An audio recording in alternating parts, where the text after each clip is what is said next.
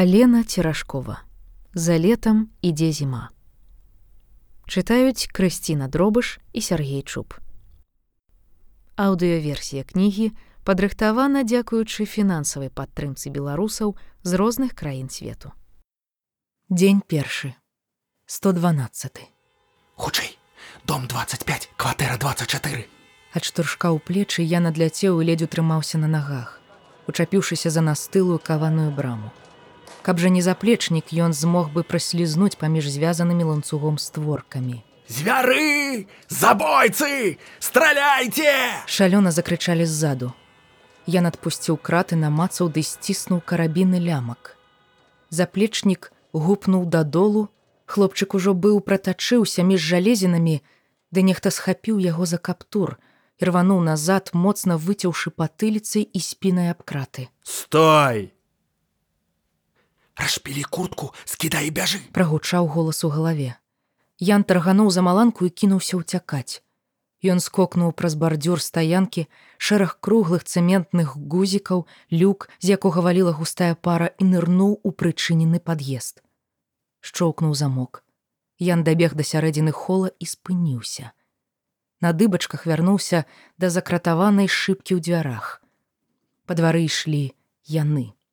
Чорныя шлемы паварочваліся ўлева і ўправа, сляпыя галовы, але ад іх не схавацца. Двое ці трое рушылі ў бок дома. Праз колькі крокаў аддзяліліся яшчэ трое, адзін за другім затрынькалі дамафоны.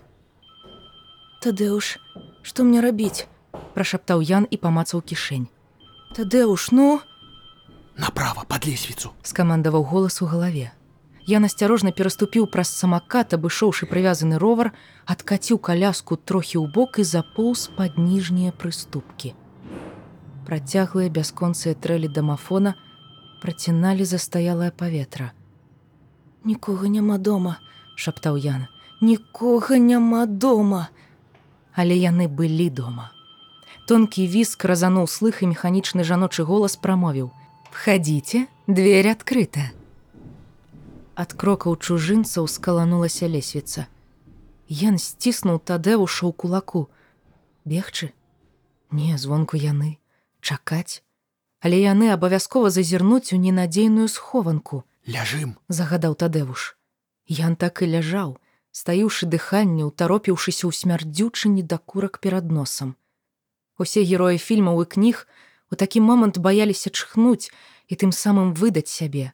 І Ян, адно Ян пра тое згадаў, у носе засвярбела, Дыхай ротам. загадаў тадэвуш. Патры пераносе. Яшчэ трохі. Прыступкі зноў затрэсліся і загулі. Пасвяці туды. Пачуў хлопчык у сябе над галавой. Ліхтар выхапіў кола ровара. Прамень адбіўся ад катафота і на момант засляпіў Яна. Чыста! Пачуў ён пра ступат. Дверь адкрыта, паўтарыў робот. І ў момант, калі за чужынцамі зачыніліся дзверы, Ян кінуўся чхаць, то балюча тыцкаючы носам у падлогу, то даючыся патыліцай аброг прыступкі. У пад'ездзе зрабілася зусім цёмна. Ян не адчуваў зацеклых ног, колькі яшчэ яму тут сядзець. Што калі нехта яго заўважыць? Дзе зараз тата? Час выбірацца. загадаў тадэвуш. Ян вобмацкам выбраўся з-за кутка, паваліў ровар, дабраўся да ледзь цёплай батарэі і прытуліўся спінай да яе рэбраў. Тадэуш, я трошачки пагрэюся, Хадзем, пакуль ніхто не бачыў. загадаў тадэвуш. Ян з цяжкасцю выпрастаўся і пачыкільгаў на непаслухмяных нагах да выхаду. І тут дзверы пікнулі, рэагуючы на электронны ключ. Дверь адкрыта, здзекліва прамовіў робот. Ян не паспеў нічога скеміць. Перад ім стаяў высокі грузны мужчына ў кажуху на росхрыст. Ого! Ты чый? Тоўстыя брудныя пальцы з пукатымі пазногцямі пацягнуліся да Яна. Я тут я толькі Бяжы! загадаў тадэвуш. Ян рынуўся ў шчыліну між дзядзькам і сцяной, размазваючы рукавом па твары рагі поту і крыві з разбітага носа. Ён праставаў заснежаным палісаднікам. Мала вас б'юць, наркаманаў! Неслася наўздагон. Валі адсюль! Я напынуўся перад закратаванай аркай, праз якую нядаўна трапіў у двор і пабачыў дзве чырвоныя плямы на стаптаным снезе. Куртка ды заплечнік. Пацягнуўшы створкі брамы на сябе, хлопчык лёгка пралез на іншы бок. Куртка настыла на марозе, але засталася сухой і чыстай. Ян зашпіліўся, насунуў на самыя вочы каптур і адчуў, як між ім і лістападаўскім ветрам паўстала хм, сцяна. Хлопец падхапіў заплечнік, і тут пачуўся размераны грукат. Ён запаўняў сабой вуліцу, паступова заглушаючы людскія галасы і далёкія сігналы машын. Яну стала вусцішна. Асцярожна вызерні.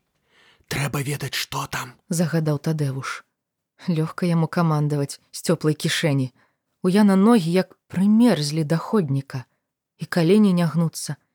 На іншым баку шырокай вуліцы ён заўважыў вайсковы грузавік, з якога адзін за адным выскоквалі постаці ў шаломах і беглі ў двары. Грукат набліжаўся. Паўзарку прабеглі двое старэйшых хлопцаў, За імі спяшалася кабета, яшчэ адна, нейкі мужчына, яшчэ людзі. Ян памкнуўся туды ж, але, выскачыўшы з аркі, находнік заўважыў, што на правым красоўку развязаліся матузкі. Спыніўся неслухмянымі рукамі стаў запіхваць матузок за борцік, а грукат навісаў над ім, падганяў. Я назірнуўся і пабачыў шэрую няроўную сцяну. З хуткасцю чарапахі сцяна насоўвалася проста на яго, займаючы ўвесь ходнік і ўздрыгвала ў такту грукату. Матузок, як на тое, ніяк не запіхваўся. Кідай, бяжы! Крык тадэвуша падкінуў яго, пагнаў па спусцелым ходніку, а матузы неадкладна вырваліся на волю. Але яну ўжо было не да іх, хутчэй, хутчэй туды да жывых людзей, што збіліся ў шчыльны гурт у сотні метраў ад яго на рагу, але з дальняй яркі выбеглі чорныя постаці без вачэй кінуліся на пярэймы людзям, што не паспелі зліцца з натоўпам. Грукат сціх. Я назірнуўся. Шэрая сцяна ў яго на вачах пачала распадацца на кавалкі, а са шчылін палезлі пукатагаловыя пачвары. Ушчаўся лямант, зароў натоўп нема закрычала кабета, якую двое ў чорным падпахі павалаклі праз дарогу да сіняга мікрааўтобуса запрацавалі чорныя шчупалы, апускаючыся на плечы мужчын ды хлапцоў. Ян застыў на бардюры, не ведаючы, куды падзецца. І тут побач віскнулі тармазы чорна-жоўтай таксоўкі. Сядай! крыкнуў яму хлопец за стырном. Ну, сядай! Нельга садзіцца ў чужую машыну, прашаптаў Ян. Тадэвуш, У яго стужка на люстэрку. Ён наш. Тадэвуш ніколі не губляў галавы, усё заўважаў. Ян кінуўся ў салон. Машына рванулася з месца, затым развярнулася, вільнула між двума грузавікамі па сустрэчнай паласе і адразу нырнула ў двор. Ці праедзеш тут? спытаў хтосьці ззаду. Я назірнуўся і ўбачыў на заднім сядзенні хударлявага хлопца. Той прыгнуўся, каб не быць заўважаным праз шыбу. Праеду. Кіроўца ўзяў у бок, Машына ўспаўзла правым колам на ходнік і ў прыцірку разышлася з бетонным блокам, што загароджваў праезд. Не ўпершыню. Што тыдня і тут і там гойсаю. Дзе цябе высадзіць? Дзе-небудзь на тым баку рэчкі, калі не цяжка. Хлопец паглядзеў на Яна і пасміхнуўся. Што, партызан? Адбіўся ад сваіх. Але ж свет не без добрых людзей. Бачыш? Спыніся тут, дружа, Дякуй. Колькі з мяне. Ідзі ты на я бацькаў марш. Нязлосна вылаяўся таксіст. Хлопец падміргнуў яну, паклаў на сядзенне 10 рублёў і знік. А цябе куды падкінуць? спытаў таксісту Яна. Дом 25, кватэра 24. Нагадаў тадэвуш, Ян назваў адрас. Там цяпер самае пекла. Спахмурняў кіроўца. Двары зачышчаюць трэба перачакаць. Ян згодны быў пачакаць. У цёплай бяспечнай машыне, у ціхім двары, апошнія гадзіны падаваліся кепскім сном. Ён пачакае, пакуль з'едуць шлемагаловыя і пойдзе да дзеда. І тата прыйдзе туды. Так яны дамовіліся яшчэ зранку, а тата заўсёды прыходзіць туды, дзе дамаўляліся. Ян раскажа яму пра свае прыгоды, І пра гэтага таксіста, які слухае іхную з бацькам любімую песню і падпявае, дакладней падмурлыквае.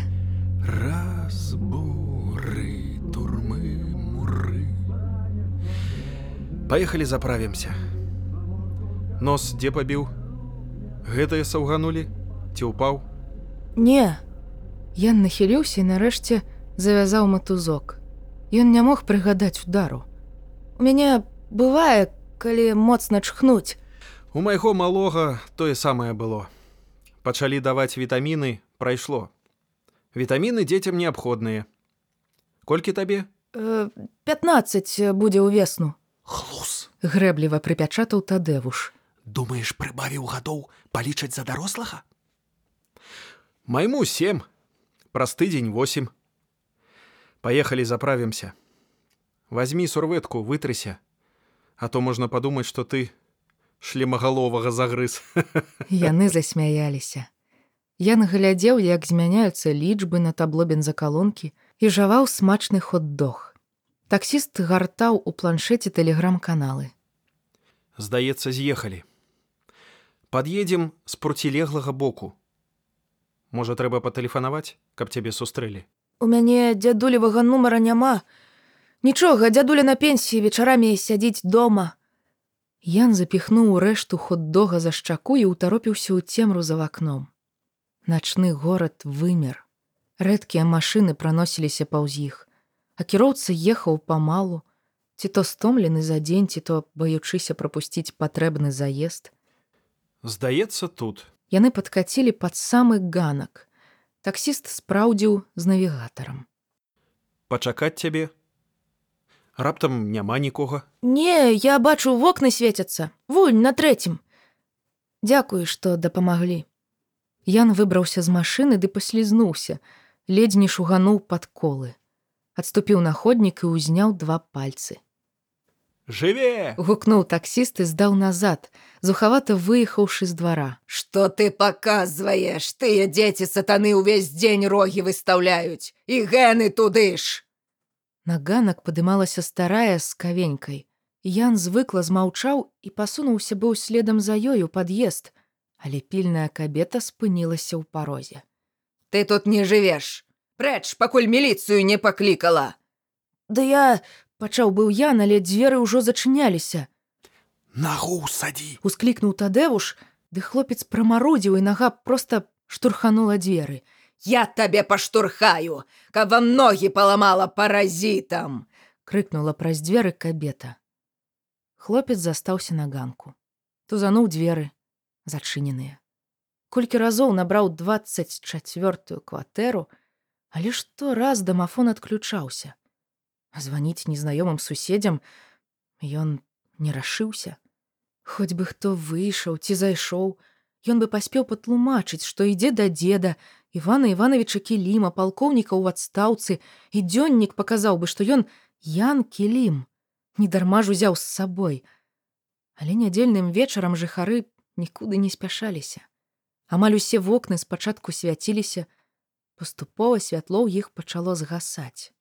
Ян рашыўся і набраў суседнюю з дзедам кватэру, потым іншую, і толькі пасля пятай ці шостай спробы зразумеў: дамафон не працуе. Крычаць, форткі зачыненыя, кінуць каменьчык у вакно, Трэці паверх, як ты дакінеш. Свісцець ён не ўмее, ды і дзядуля ці зразумее такі сігнал. Ян прайшоўся каля пад'езда. Пад ногі трапіўся кавалак арматуры. Хлопец падабраў жалезку, пашкадаваўшы, што пасунуўся з дому без рукавіц і з усяе моцы даў у дзверы. Яму здавалася, што зараз хоць нехта вызерне, спытае, што адбываецца, накрычыць, хоць нехта, з кім можна будзе пагаварыць, попрасіць. Але вокны свяцілі ў нікуды, быццам бы нічога жывога за імі і не было. Тадэуш, што рабіць, прашаптаў Ян. Ламай дзверы.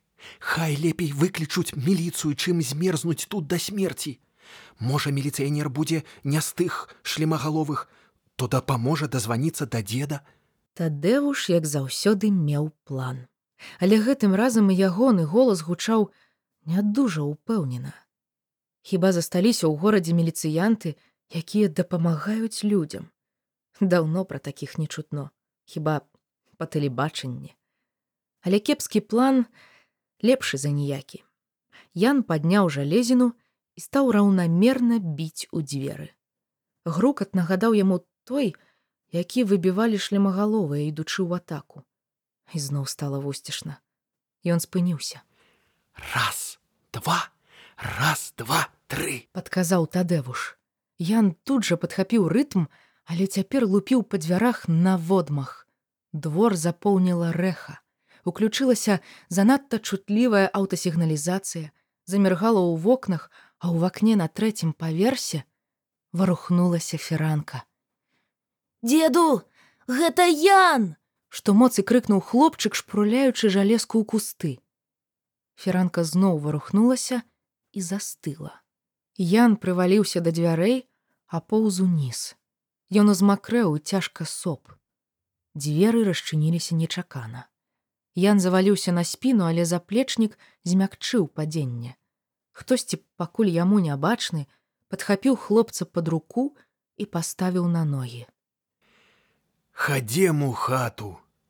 Учыніў вэрхал. Тэлефона хіба не маеш. Сувора выгаворваў дзед, ідучы да ліфта. Ян не апраўдваўся. Смартфон застаўся дома. Хто ж не ведае, што добры тэлефон у нядзелю лепей пакінуць дома. А іншага тэлефона ў хлапца ніколі не было. Безумоўна, калі б ён ведаў дзедаў нумар на памяць, дык мог бы патэлефанаваць з таксоўкі. Але ж ці мог ён уявіць, што яго не пусцяць у пад'езд. Ды і памяць на тэлефоны ў яго так сабе. Усё ж запісана ў тэлефоннай кнізе смартфона. Чаму адзін? Бацька дзе? Калі дзед і быў рады прыходу госця, то знешне прынамсі таго ніяк не паказваў. Сказаў, каб я сам бег сюды, а ён прыйдзе, калі зможа. Бег? Адкуль бег? з марша. Ходзікі на сцяне здзіўлена крэкнулі і прабілі восем разоў.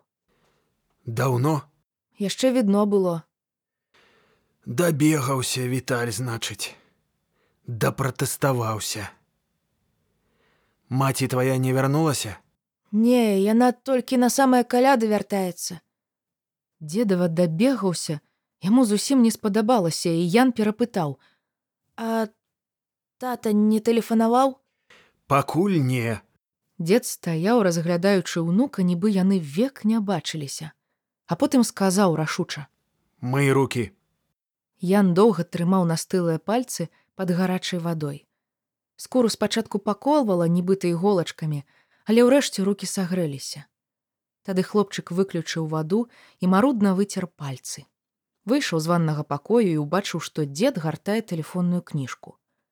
На стале стаяла шклянка ў срэбным падшклянніку, ад цёмнай гарбаты сыходзіла пара, на талерцы ляжала колькі з крылёчкаў сала і салёны агурок.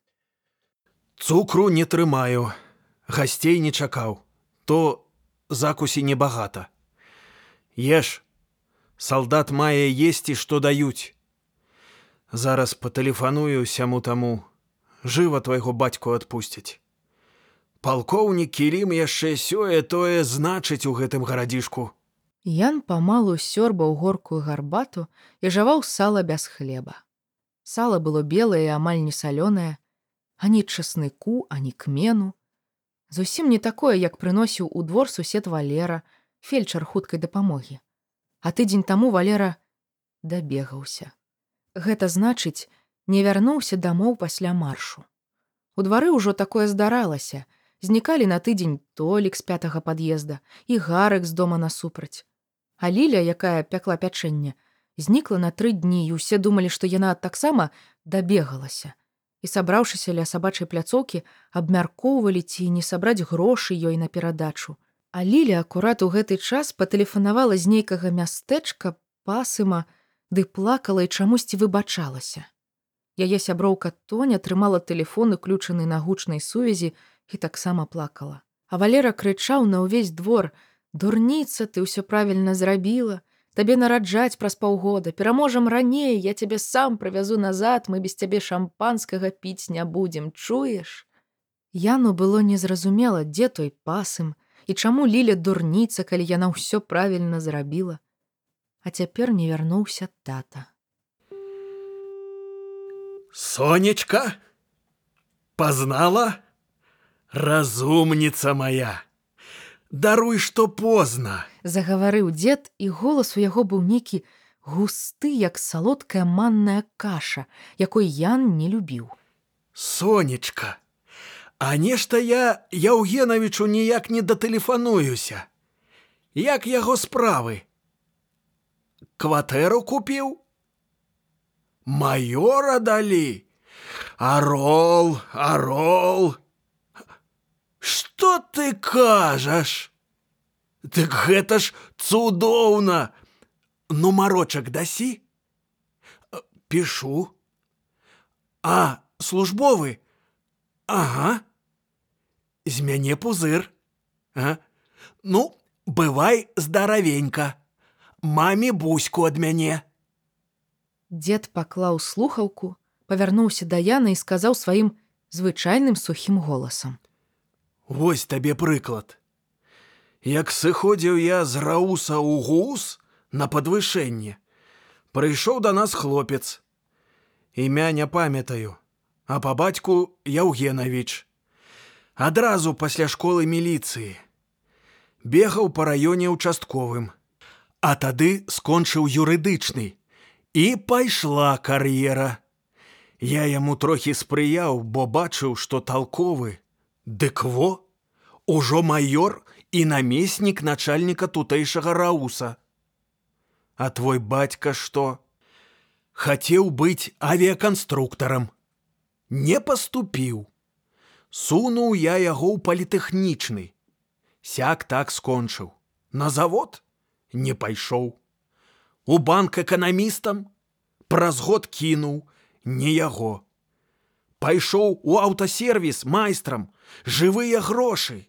Ды не, не хачу ўсё жыццё з чорнымі рукамі. Пайшоў на юрыста вучыцца. Кінуў. Як ты нарадзіўся, сядзелі твае бацькі без капейкі. Я ўладкаваў яго ў фірму спачатку монтажнікам сігналізацыі, тады выштурхаў у каштарыснікі, дацягнуў лічы да гіпа. Усё кінуў. Цяпер кучу грошай выкінуў, каб вывучыцца на праграміста. То сядзі за камп'ютарам, працуй, чаго па вуліцах швендацца. Я напусціў галаву. Спрачацца з дзедам не хацелася, Ды і ў чым ён мог запярэчыць. Маўчы, тадэвуш, загадаўся бруку і сам маўчаў, размешваючы лыжачкай рэшту халоднай пустой гарбаты. Віталя на гэтым баку ўзялі.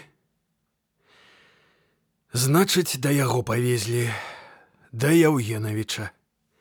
Зараз яму набяру. Дзед набраў нумар, і Ян са свайго месца пачуў, як працягла занылі доўгія гудкі. Відаць на службе. Яшчэ і лепей, хутчэй вырашыцца. Алё! Дзед ізноў уключыў ненатуральны голас. Таварыш майор, дазвольце звярнуцца. Палкоўнік кілім. Кілім, Іван Іванович, памятаеце? Дужа прыемна. Вось тэлефаную павіншаваць з падвышэннем. Зычу і надалей, разумею, спраў багата, нядзеля. Я вось чаго, Яўгенавіч. Я цябе сто гадоў ні пра што не прасіў і больш не папрашу. Там да вас трапіў кілім Віталь Іванович. Бачыў? Ну дык гэта мой, ну, Ды ты ж яго ведаеш. Ты ж у мяне дома быў. Ну ты сам не разумееш, што я хачу. Ты ж толковы офіцер, а Яўгенавіч. Ну што вам мало 300 чалавек, трэба 301. Можа, акруглім. Выкінуць паперчыну ў сметніцу і ўся справа. А што такога здарылася? Я ведаю, што ў горадзе робіцца. Тэлевізар штодня гляджу. Дажынкі, хакей, вірус. Слухай, ты мяне яшчэ павучы радзіму любіць. Шанюк! Ад халера ясная! Дзед кінуў слухаўку на тэлефон, але адразу ж падняў і стаў набіраць нумар. Пятрович, гэта Іванович. Ці можаш пазваніць крыўцу ды спытаць пра віталя? Ды пайшоў дзень і няма. Ну так, мо выпадкова пад гарачую руку. Ды не, якое там. Ён з працы дамоў, з дома на працу. Сын жа малы, а нявестку чорт панёс вучыцца. Дык патэлефануй крыўцу, а тады мне. Ну дзякуй, чакаю. Скажы яму, што бацька ведаў, куды ішоў. загадаў тадэвуш. Але Ян шчыльна сціснуў вусны. Не, Тадэуш, не трэба. Нам з табой тут яшчэ жыць давядзецца, калі тату не адпусцяць. Але ж гэта мана. Няма ганьбы ў тым, каб пратэставаць, але ганьба рабіць выгляд. Не сціхні! прыкрыкнуў у думках Ян. Дзед хадзіў па пакоі, падаўшыся наперад і заклаўшы руки за спіну. Рэзка разварочваўся кожныя чатыры крокі, уставіўшыся вачыма ў дыван. Ян назіраў за ім. Тэлефонны званок заспеў іх знянацку. Дзед схапіў апарат, слухаўка выслізнула з рук, грымнула па сподку з салам і ўпала дадолу. Ян сігануў пад стол, схапіў слухаўку. Алё, Задолженность по коммунальным услугам. Справка по телефону. Ян вывернуўся вужакам, паклаў слухаўку на апарат, выбраўся з-пад стала. Дзед з вышыні назіраў за яго выкрутасамі. Хлопец прашмыгнуў назад у фатэль, буркнуўшы: робот, каб за кватэру заплацілі. Спаць будзеш на раскладанцы. Дзед выйшаў на балкон, пабразгаў слоікамі і выцягнуў нейкую тумбачку. Глядзі, як раскладаецца. Сто разоў паказваць не буду. Вось коўдра, сцялі на сетку. Вось другая коўдра. Бялізна, запраўляй сам. Падушку з фатэля вазьмі, нацягні на ўлечку. Я выйду па хлеб, тут недалёка. Можаш уключыць тэлевізор. Ян не стаў уключаць тэлевізор. Адразу ўзяўся запраўляць ложак. З прасцінай пытанняў не было, падушка таксама без праблем улезла ў вялікую наўлечку. А вось на коўдранік аказаўся той яшчэ галаваломкай. Дома Ян дапамагаў з бялізнай, выварочваў разрэзаны збоку глухі чахол, хапаў за дальнія куты, маці давала яму ў руки рагі коўдры, і ён трос усё гэта разам некалькі секунд. Галоўнае было трэсці так, каб прыхопленая коўдра не выслізнула, пакуль уся не расправіцца ў памалу спушчаным з рук чахле. А далей трохі паправіць і сцяліць. Дзед жа выдаў яму на коўдранік з дзіркай ромбам пасярэдзіне. Ян узяўся за рог коўдры і пачаў зацягваць яго праз дзірку ў сярэдзіну, імкнучыся запхнуць у кут. На коўдранік зморшчыўся, хлопец пакінуў запоўнены рог і ўзяўся за наступны. Даў рады заправіць і ўжо збіраўся быў страсянуць запраўленыя рагі, як выявілася, пустата ў першым з іх. Ян паклаў коўдру на дыван і стаў шукаць збеглы рог, а ўпаляваны прадбачліва прыціснуў каленам. Затым склаў два схопленыя рагі разам, прыціснуў каленам і падцягнуў бліжэй другую палову на коўдраніка. Ага, цяпер не ўцячэш. Здаволена прашаптаў Ян, спрытна запраўляючы астатнія рагі. Сціснуўшы як мацней, падняўся, асцярожна патрос і пабачыў ля ног на траціну пусты на коўдранік. Ян вярнуў коўдру на дыван. Абышоў, спыніўся з боку запраўленых рагоў, сярэдзіна ляжала гарбом. Перакруціўся, гад! У голас пракаментаваў Ян. Ну я табе пакажу. Сеўшы на гатовы край, ён выцягнуў перакручаную коўдру і адшукаў трэці і чацвёрты рагі. Не дзіва, што на вобмацак ён паблытаў права ды лева, У вузкім ромбе коўдра мусіла камечыцца, але гэтым разам Ян будзе разумнейшы. Запхне ўсю коўдру ў дзірку, а тады правядзе рукамі па бакавіне, распраўляючы край. Так не перакруціцца. Дзеля пэўнасці Ян залез у дзірку з галавой і, не спускаючы вачэй з запраўленага рага коўдры, стаў памалу распраўляць край. Вось і чарговы рог. Ян радасна пацёр руки, але рог на коўдраніка знік. Белы тунэль расцягнуўся ці не на паўметра, і коўдры на такую адлегласць не хапала. Азадачаны, Ян паспрабаваў расправіць процілеглы бок, яго атрымалася, але і там на коўдранік чамусьці аказаўся даўжэйшы. Затое ў сярэдзіне, пад каленкамі Яна, коўдра засталася скамечанай. Хлопец пляснуў сябе па лобе, зблытаў даўжыню ды шырыню. Не варта было і спрабаваць перавярнуць нахабную коўдру ў чэраве непаслухмянага на коўдраніка. З гучным сапеннем хлопец выбраўся вонкі і адным рухам выдраў коўдру з белага палону. Адцягнуў яе як далей і вярнуўся на поле бою. Падступны на коўдранік мірна ляжаў на падлозе. Ян пацягнуў яго, каб расправіць. Ды не! Ненавісны накоўдранік схітрыўся вывернуцца адной паловай, і цяпер гэтая палова пацвялялася з яго бессаромна высалапіўшы з рамбавіднай пашчы язык. Ян прысеў на кукішкі. Трэба было сабрацца з думкамі. Не можа нейкая чатырохкутная ануча быць хітрэйшая за чалавека. Што калі хаця б адзін бок прыціснуць ножкай раскладанкі. Хлопец прымусіў белую пачвару пракаўтнуць язык і расправіцца, ды прыўзняў край раскладанкі, мяркуючы прышчаміць непакору.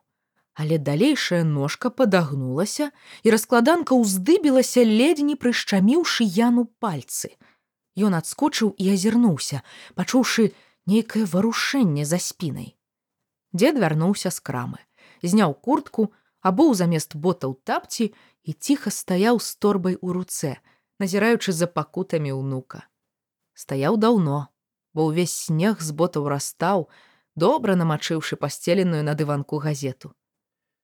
Там ёсць зашчапка. Яе трэба завесці за галоўку заклёпкі. Прамовіў дзед і пайшоў на кухню. Дадаў ужо адтуль.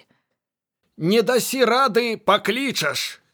Ага, і ён скажа табе, што ж гэта бацька не навучыў цябе самаму элементарнаму. З'едліва прамовіў тадэвуш. Ян толькі ўздыхнуў. Тадэвуш заўсёды меў рацыю. Няўдачы дзяцей выдатная нагода папікнуць бацькоў. Хіба тата вінаваты, што ў іх дома няма раскладанкі.